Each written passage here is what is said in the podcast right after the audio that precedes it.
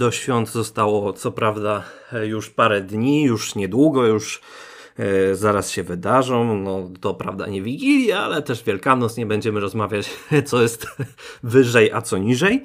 E, I cóż, przynajmniej no, będzie to odpoczynek, no, wytchnienia kilka dni, e, w lany poniedziałek. Może już tak bardzo nie będzie się trzeba wystrzegać. Pamiętam, że kiedyś mocno trzeba było się wystrzegać tutaj polewaczy dzieciaków, które nadużywały przede wszystkim spis, tych pistoletów i że mocno pamiętam, że kiedyś było to ta tradycja już nawet w formie zwyrodniałej była rozpowszechniona, a teraz patrzę z, z ulgą. Jednak muszę powiedzieć, że rzeczywiście już e, tego nie ma, już jestem e, suchy, a przecież to i tak według podań ludowych to generalnie polewano chyba, o ile pamiętam, e, pan, panny, tak, dziewczęta, żeby na wsi, żeby nie zostały starymi właśnie pannami. Tak sobie właśnie pomyślałem o tym, o tym wytchnieniu, no i tak sobie mówię, tak zobaczyłem słoneczko, kurczę, już.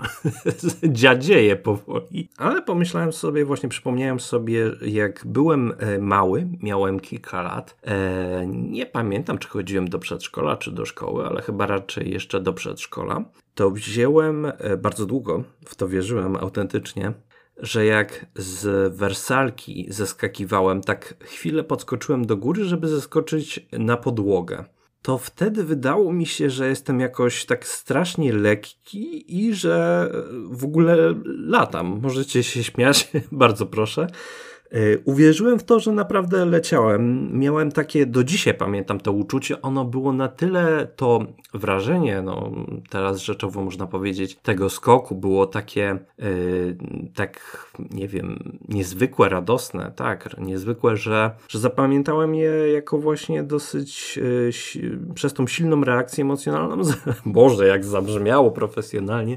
Zapamiętałem to yy, do dzisiaj i przez wiele lat, jeszcze jako dziecko, już nawet nawet w wieku szkolnym pamiętam, że, że, że chodziłem z tą myślą, że rzeczywiście latałem, no choć przez chwilę, ale że przez chwilę leciałem. I z, tak właśnie z dzieciństwa jeszcze, prawda, pewnie nie tylko ja, wszyscy mamy właśnie jakieś takie e, prywatne mity. One najwięcej właśnie ich powstaje, e, mi się wydaje, w tych e, wczesnych latach naszego życia, ponieważ jeszcze funkcjonuje ten element yy, nieprawdopodobności, takiej jakiejś yy, myślenia magicznego, które jest w sumie dzisiaj możemy powiedzieć, że jest myśleniem magicznym, wtedy jeszcze jest to u dzieci myślenie całkiem realne, nie wiadomo gdzie, gdzie jawa i gdzie sen. I tak samo pamiętam, że na przykład jeżeli mówimy o, o właśnie takich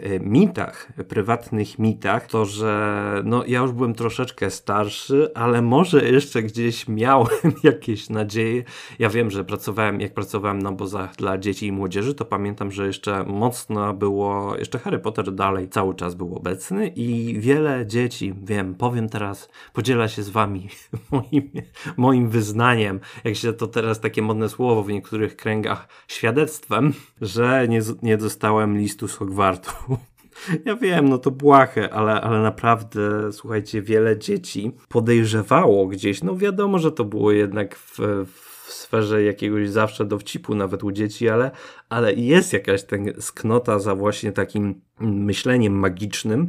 No i właśnie o tym, y, o tym, real, y, o tym braku realności i wiary, właśnie zacierania tej wiary i snu, nie, nieposiadaniu, nieposia, nieposiadaniu właśnie tej, dobrze mówiłem, y, nieposiadaniu tego odróżnienia, co jest realistyczne i się co może zdarzyć, przez to właśnie dzieci, to jest takie urocze, dopuszczają do siebie właśnie myślenia, które są są zupełnie e, irracjonalne, abstrakcyjne, ale jak mocno w to wierzymy. I zapamiętałem sobie, e, jaki był mój ogromny zawód, e, a teraz mnie to śmieszy oczywiście. Mój tata pracował w takim jednym instytucie i jako małe dziecko, no chyba każdy z nas, albo prawie każdy był zabierany, teraz to nie wiem jak jest, ale kiedyś to była, mi się wydaje, co jakiś czas oczywiście rzadkość, ale jakaś norma, że się od czasu do czasu tak działo, że rodzic, jak nie miał co robić z dzieckiem, zabierał, e, zabierał je do swojej pracy i spędzał tak e, e dzień. Zwykle e, dosyć się nudząc, wcześniej się oczywiście ekscytując, że zobaczę mojego e, tatę, zobaczę moją mamę w pracy, to co to będzie tam, co on robi, co ona robi, takie różne ciekawe rzeczy, takie dorosłe. No i zwykle pamiętam, że się człowiek nudził, bo, bo, bo nie było co do roboty, no co, co dziecko może robić w pracy. Dobrze, jak jakaś pani sekretarka coś dawała do, do roboty, ale mniejsza z tym, przejdźmy do meritum, to pamiętam, że tak wiele dzieci ma, ale ja wtedy pamiętam, że, że, że, że wyjątkowo jakoś, jak podawali mi y, różni pracownicy od mojego ojca z pracy ręce, to pamiętam, że wszystkie mocno wydawały mi się tłuste w dotyku. E, pamięt I myślałem, że wszyscy dorośli mają właśnie takie tłuste ręce, takie właśnie jakieś. Czy one były tłuste, czy nie? Mi się wydaje, że częściej to miałem e, poza tym jednym razem i z tego co wiem, dzieci w ogóle tak myślą. Tak samo jak, że wszyscy w, w w autobusie, w tramwaju, w różnych środkach komunikacji się patrzą właśnie na nie, no co jest raczej, e, raczej właśnie e, nieprawdą. Ale, ale tak właśnie mi się przypomniało e, ten, ten fragment, że wtedy mocno tak poczułem, pamiętam od jednego pana, że, że, że ma strasznie tłuste ręce i tak sobie stwierdziłem, że wszyscy dorośli mają tłuste ręce. Ale to, co, o czym chciałem właśnie teraz powiedzieć, to jakaś tam pani powiedziała mi, że jak będę grzeczny, żebym się tam nie wiercił, nie marudził, nie przeszkadzał, powiedzmy sobie otwarcie, to powiedziała, że zabierze, że da mi zamek.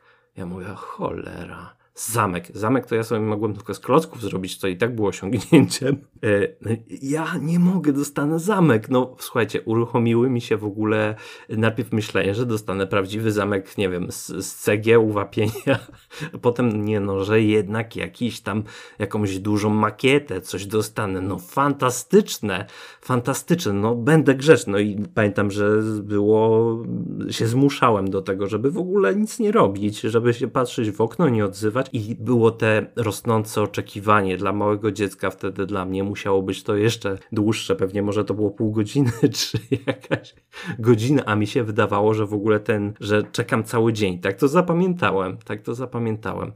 Idziemy do magazynu, mój tata, pamiętam, chyba już skończył pracę, no już, dostanę swoją nagrodę, nagrodę za, za, za to, że wytrwałem, będzie ta satysfakcja. Idziemy, pamiętam do tej pory, do tego magazynu, tam były takie skręcane półki, bardzo dobrze to pamiętam, półki były drewniane, a stelaż był taki właśnie metalowy, było, tam dosyć ciemno, no i słuchajcie, gdzie ten zamek, gdzie ten zamek, no już ekscytacja jest. No i dostaję zamek, kłódkę Dostałem kłódkę do cholery. Wyobrażacie sobie to ja, ja do, do dzisiaj pamiętam. Ten zawód długo był odczuwalny. Tak sobie tłumaczę moje życiowe niepowodzenia. Właśnie od tego momentu jeszcze się życie nie zaczęło, a już się skończyło po prostu pamiętam, że długo miałem, mówię, teraz się z tego śmieję, ale wtedy, wtedy miałem, no, nie oszukała, no dostałem zamek. Jestem tylko ciekawy, czy ona specjalnie manipulowała e, i była ta gra słów, dwuznaczność, czy chodziło i, i, i manipulacja oczywiście. E, żeby tylko po trupach do celu, a jakże ma to Menda, żeby osiągnąć e, cel, czy chodziło o to po prostu, e, że ona nie wyczuła tego wtedy, że no, dziecko może raczej chcieć tylko zamek, to oznacza, jest jednoznacznym z, z warownią średniowieczną, a w ogóle tak sobie teraz myślę, kurczę, no co trzeba być, żeby dziecku dawać zamek? I co to w ogóle ma być za prezent, że dostajesz e, kłódkę? Ja nie pamiętam w ogóle, co z tą kłódką zrobiłem w ogóle. No, wziąłem ją jako grzeczne dziecko, bo raczej tak mi się wydaje, że byłem grzecznym dzieckiem, za grzecznym.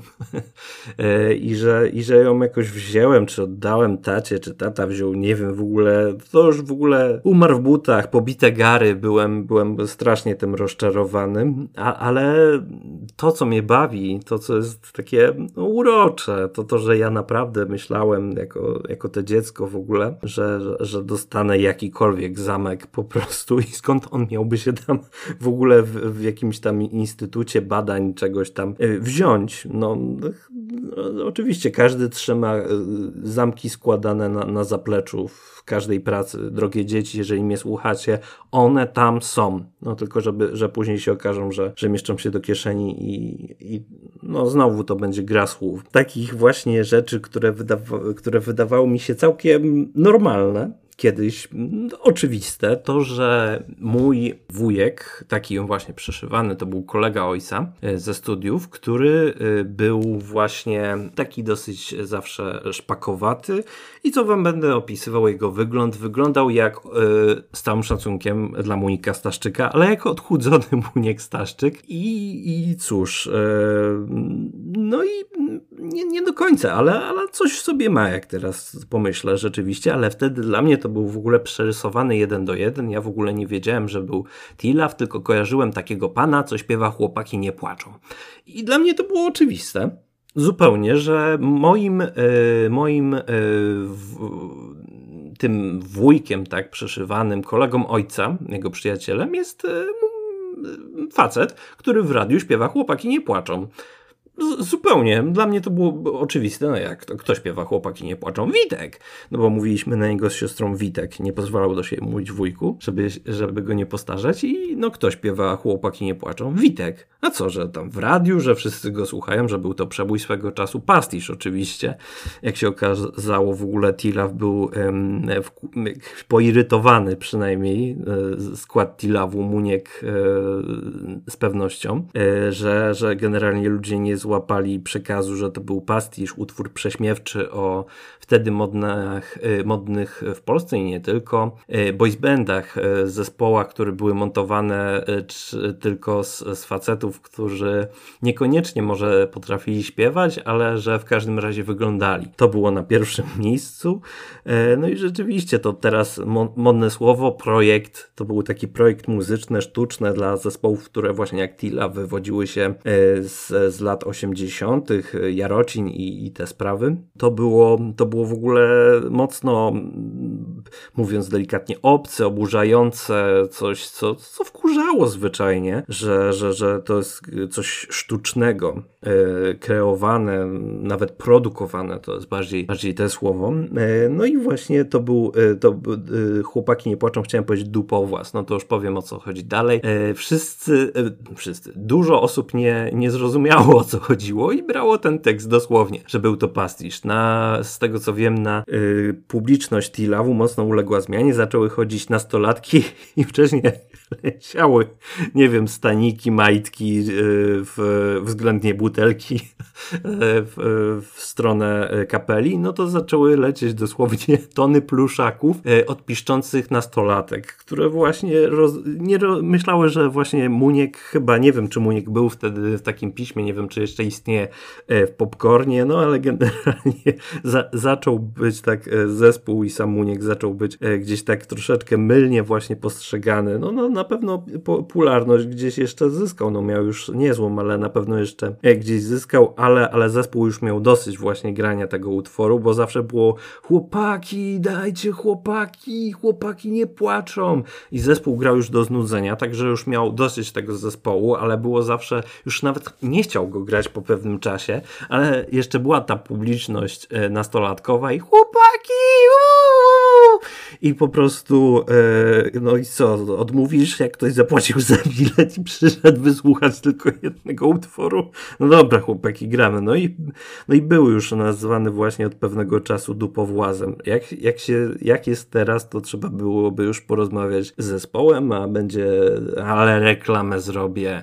Tak, tak, bo będzie właśnie nowa trasa koncertowa, nowy album po, po kilkuletniej przerwie, o ile pamiętam, hał, hał, no ale Muniek mi nie płaci. Trzeba będzie, trzeba będzie porozmawiać co najmniej z managementem. Ale wyszedłem od tego, że myślałem, że żaden tam Muniek, żaden Tilaf nie wiedziałem o co chodzi. Nie, przecież chłopaki właśnie nie płaczą. Sprzedał, yy, Boże, sprzedał. Śpiewał mój wujek, wujek Witek, prawda? No, przecież to było oczywiste. Nie dziwiło mnie, że, że jest jakoś nieznany. On po prostu udzielał się i śpiewał, puścił, nagrał jeden kawałek i puś, puszczają go w radiu, a że i, i, jakie, że to trzeba za to dostawać pieniądze, że to się wiąże z jakąś dużą sławą, no coś, coś podejrzewałem, ale, ale nie brałem tego, nie brałem tego jakoś pod uwagę. Propos takich właśnie pomyłek, to, to już w znacznie starszym wieku. Przypomniało mi się teraz, że oglądałem, pierwszy raz obejrzałem, oczywiście za wcześnie, Chłop, Boże, tak, chłopaki nie płaczą.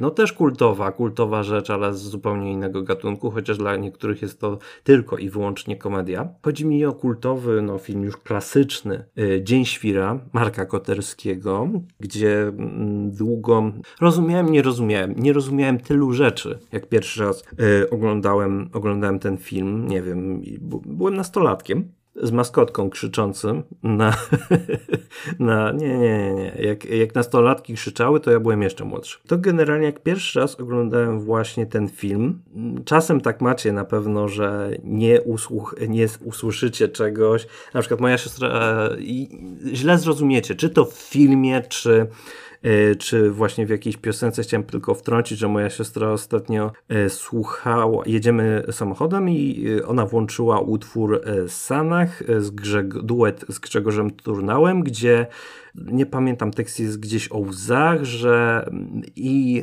coś tam, że piasek wściskam w mojej dłoni, coś tam chyba łzy płyną i moja siostra zaczęła to nucić i mówi, że coś tam właśnie piasek w mojej dłoni, łzy płyną w Aragonii. Mówię, co ty, w jakiej Aragonii, no co ty, a to przecież w Hiszpanii. No ja mówię, no tak, Hiszpania to, to hi, historyczna kraina w Hiszpanii, Aragonia, zgadza się, ale nie pasuje, ten tekst nie budzi twojej wątpliwości. Ta Aragonia nie, nie jest dla ciebie aby troszeczkę podejrzana, bo trochę nie pasuje do logicznego ciągu oczywiście. Ja wiem, to w poezji wszystko można, ale no bez przesady, no to, to w ogóle jest od czapy. Ta, powiedziałem, bo ja akurat usłyszałem dobrze, się słuchałem ten tekst, który mówię, no dawaj, puścimy. To chodziło o falagonii, a nie w aragonii, ale mi muzyka za bardzo nie przeszkadza. Dobra, nie będę złośliwy, bo dostanę za swoje, jak się spotkamy.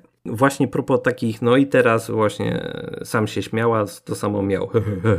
E, ja oglądając właśnie e, kiedyś e, Dzień Świra, nie zrozumiałem, co mówi Adaś Miałczyński, pamiętacie, wtedy, wtedy, kiedy był na plaży, kiedy te jego lęki zaczęły po prostu go nachodzić. I kiedy już mówię tutaj y, o momencie, kiedy Adaś Miałczyński, grany przez Marka Konrada, leży już, leży już na tej plaży. I kiedy zaczyna mówić, że, że właśnie, że mamo, umieram, a tam umrzeć myślisz, młodym człowiekiem jesteś, z, łatwo zjedz zupę pomidorową ulubioną od obiadu twoja, mogłem coś trochę przekręcić. To jest e, cudowna e, składnia Marka Koterskiego, więc chyba mi wybaczy. No i właśnie tam mówi Marek Konrad takie słowa, mi dopiero kolega z klasy powiedział po konfrontacji, jak mu powiedziałem o co chodzi. Mi się wydawało, że Marek Konrad mówi, długo nie mogłem zrozumieć o co mówi. Powiedział nie, nie powiem, co powiedział. Zaraz y, powiem, co usłyszałem. Co on tam mówi, że takim głosem właśnie rozpaczliwym mówi. I mówię, o co chodzi? O co, co tu jest? Wsłuchiwałem się, potem już jak miałem gdzieś dostęp, to przewijałem sobie, o co, o co chodzi. No nie wiem. I zrozumiałem tyle z tego i uznałem, że dobrze, koniec, że, że to tak jest. E, cytuję. Pochowajcie mnie o mońcy lwunia. No i co teraz można? Tak z tego zrozumiałem. Mówię, dobra, to jest już proces deduk- dedukcyjny e, i że tak, coś tam jest. I sobie tak mówię, dobra, ale co to kurde znaczy? Pochowajcie mnie o mońcy lwunia. Jedyne, co mi przyszło na myśl, e, biorąc pod uwagę mojego konika historycznego, to pomyślałem sobie, koniu, koniu, powiedz mi o co chodzi, masz tu owiec. No i po prostu, dobra, nie będę leciał w ten suchar. po prostu e, zrozumiałem, że chodzi o obronę Lwowa, o Orlęta lwowskie w ogóle, że Omońcy to jest jakoś takie, nie wiem, po, może nie po staropolsku, ale że jakiś synonim, trochę jakoś zapomniany, słowa obrońcy, omońcy, tak, e, tak zrozumiałem. No i lwunia, tak sobie wymyśliłem, że lwuń, no to tak dla osób właśnie może e, z Lwowa, to było, że powiedzenie o tym, że, że takie zdrobnienie, że na przykład jak w gwarze warszawskiej Warszawa jest jako Warszawa, to pomyślałem sobie, że, że jest to może właśnie taki jakiś mm, właśnie folklor, ten polski przedwojenny miejski folklor, że się na Lwów mówiło Lwuń i mówię, mocno to w każdym razie przekombinowałem, ale trzeba było jakoś to uzasadnić logicznie. No i ja e, powiedziałem to mojemu koledze, pamiętam w liceum, rozmawialiśmy właśnie o Dniu Świra i o tej scenie na plaży i tak od słowa do słowa wyszło, e, wyszło to pochowajcie mnie o mońcy lwunia i chodziło, a właśnie, jeszcze myślałem, że to chodzi, że on jest tu sam, że wszyscy na niego właśnie napierają, że on jest właśnie ostatnim takim e, sprawiedliwym, ostatnim romantykiem, no bo to była, prawda, obrona y, dzieci, y, dzieci po prostu y, lwowskich mieszkańców i że to właśnie takie mocno romantyczne, takie polskie, powstańcze, no już dwudziestowieczne, ale że, że właśnie takie idea tego, tego romantyzmu była tu żywa i że Adaś Miałczyński jako to, że, pamiętacie jak cytował zresztą Adama Mickiewicza podczas lekcji, gdzie, gdzie po prostu myślał, że jedna dziewczyna go słucha, a, a okazało się, że, że się patrzy zaciekawiona, co stało się e, w głowę. Gdzie Adaś Majowczyński to jest powtarzany błąd, że uderzyłem się w skrzynkę. Jeżeli komuś e, ten błąd tutaj e, zdradziłem, odkryłem, to bardzo przepraszam, że zabrałem możliwość dojścia do tego samemu. Ale myślałem, że właśnie biorąc pod uwagę wcześniejsze sceny z tego filmu, że to właśnie, że to o to chodzi, że pochowajcie mnie tutaj, że ostatni sprawiedliwi, że romantycy, że, że tu ja leżę, ja właśnie właśnie ten, który kochał poezję, kochał tą polszczyznę, że, że tutaj właśnie ja taki jestem jednym z was, tak? I że, że, że, że weźcie mnie tutaj, e, pochowajcie. A to i słuchajcie, teraz przekłucie balonika. Mój, ja powiedziałem to mojemu koledze mniej więcej to wszystko. No jeszcze wam bardziej już dokładnie rozbudowałem, żeby być super uczciwy. To właśnie e, mój kolega powiedział, Piotrek, co ty mówisz? Przecież to jest pochowajcie mnie obok Sylwunia. a tu już po prostu mocno, mocno już wszystko źle usłyszane i, dedukcja w ogóle poszła, konie, konie mojej wyobraźni poszły w ogóle każdy w inną stronę. No, ale, ale długo, e, przez nie wiem jak długo, ale przez, przez pewien czas żyłem właśnie z tym moim prywatnym mitem, co, co jest w tym filmie i co autor miał na myśli.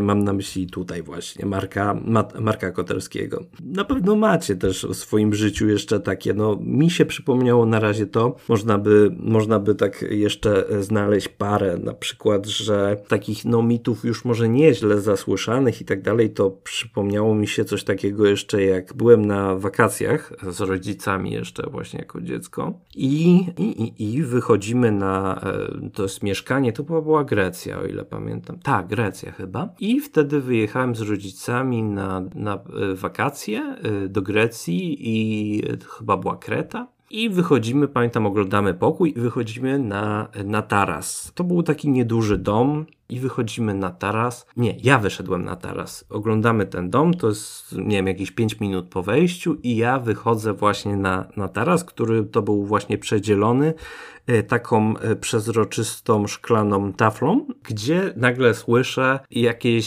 ćwiczenie głosu. Ja, ja zupełnie nie potrafię, więc nawet nie będę próbował. Ćwiczenie jakiegoś barytonu, właśnie no, no, no, no, no, no, no, no, no, no, no, no, no, no. Jeszcze właśnie coś takiego. I ja, jak to dziecko, nie chcąc nikogo, no przedrzeźniałem, ale nie chcąc, nie mając w tym jakiegoś złe, złych intencji zupełnie, yy, tylko po prostu takie krotochwila, takie yy, dopowiedzenie, no może takie lekkie dziecięce przedrzeźnianie, to wiadomo, że raczej niewinne niż yy, że jakaś głęboka złośliwość, to ja wtedy zacząłem o sole mio, jak, jak no możecie sobie wyobrazić, jak, jako tam, nie wiem, siedmio, ośmioletni chłopiec, zacząłem tak przedrzeźniać i nagle, i, a jak to dziecko, a uciekamy, chowamy się, schowałem się, a nagle słyszę po prostu takie do, donośne, nie wiem czy baryton, czy jak, jaka to skala, czy tenor, słyszę, ale chyba tenor, słyszę donośnym głosem właśnie bardzo poprawnie wykonane o sole mio i tam da, da, da, da, da, dalej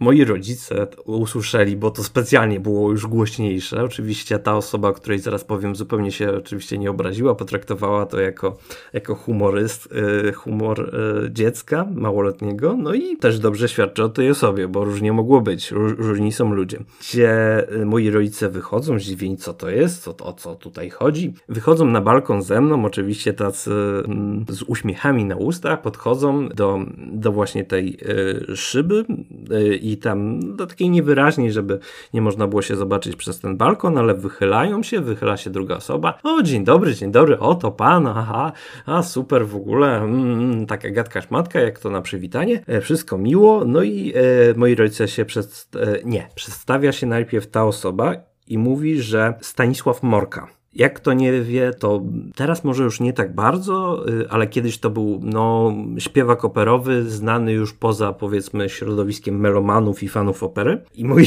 pamiętam rodziców nie wiedzieli, jak wygląda Stanisław Morka, a wtedy ich zamurowało kompletnie. I ja mówię, no jak to? Co? Pamiętam do dzisiaj.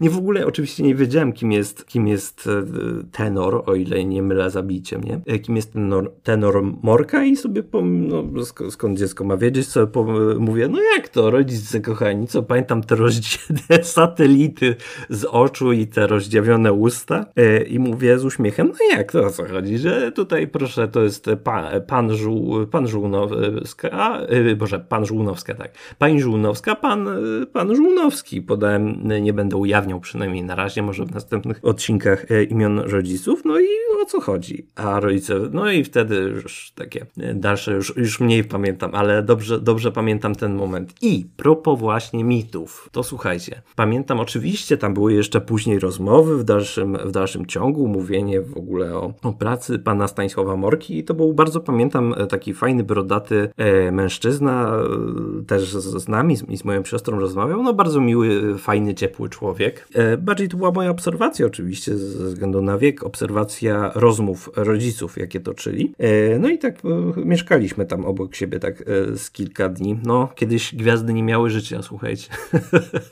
To w latach 90. jeszcze było, albo pierwszych 2000, ale chyba jeszcze w końcówka 90. Mniejsza z tym. No i słuchajcie, ja z tym Osalomio wyjechałem i pamiętam, że jakieś kilka miesięcy później, może już nawet pół roku, Stanisław Morka, pamiętam, że w telewizji nawet były reklamy, mówi, y, jest wydanie płyty y, z jego, z jego, przez jego śpiewanymi, e, nie wiem, ariami, utworami operowymi w każdym bądź razie. Płyta oczywiście zatytułowana O Sole Mio. Słuchajcie, czy to przypadek? Może coś w tym było. Może sobie pomyślał, że rzeczywiście, jak to jest wśród nawet małych dzieci, które z operą nie za bardzo mają e, wspólnego, nie za bardzo się orientują, jeżeli dzieci wiedzą, że już o Sole Mio, to w społeczeństwie będzie to znane. No to jest, słuchajcie, może takie moje przypuszczenie, które rzeczywiście może, może, może okazać się prawdziwym. Jak nie, to sorry. Nie mówię, że tak było. Mówię, że to jest jedna z ewentualności i nie taka zupełnie nierealna. A może jestem tylko właśnie jakimś e, tutaj, nie wiem, kabotynem i, i przesadzam. Ale wtedy jako dziecko, które zobaczyło taką reklamę, byłem święcie przekonany, że dałem tytuł do tej płyty, inspiracji, oczywiście ja to z przedszkola gdzieś było, było śpiewa. A, pamiętam w ogóle co, o Boże, jaka wiocha.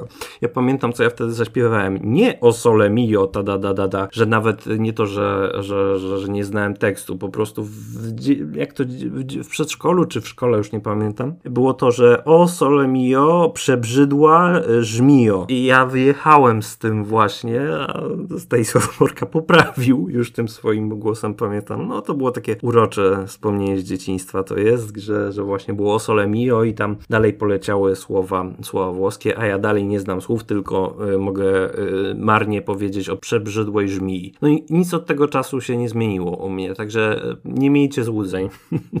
ale, ale, ale, ale, ale fajnie to jakoś wspominam. Nie mam puenty tego odcinka.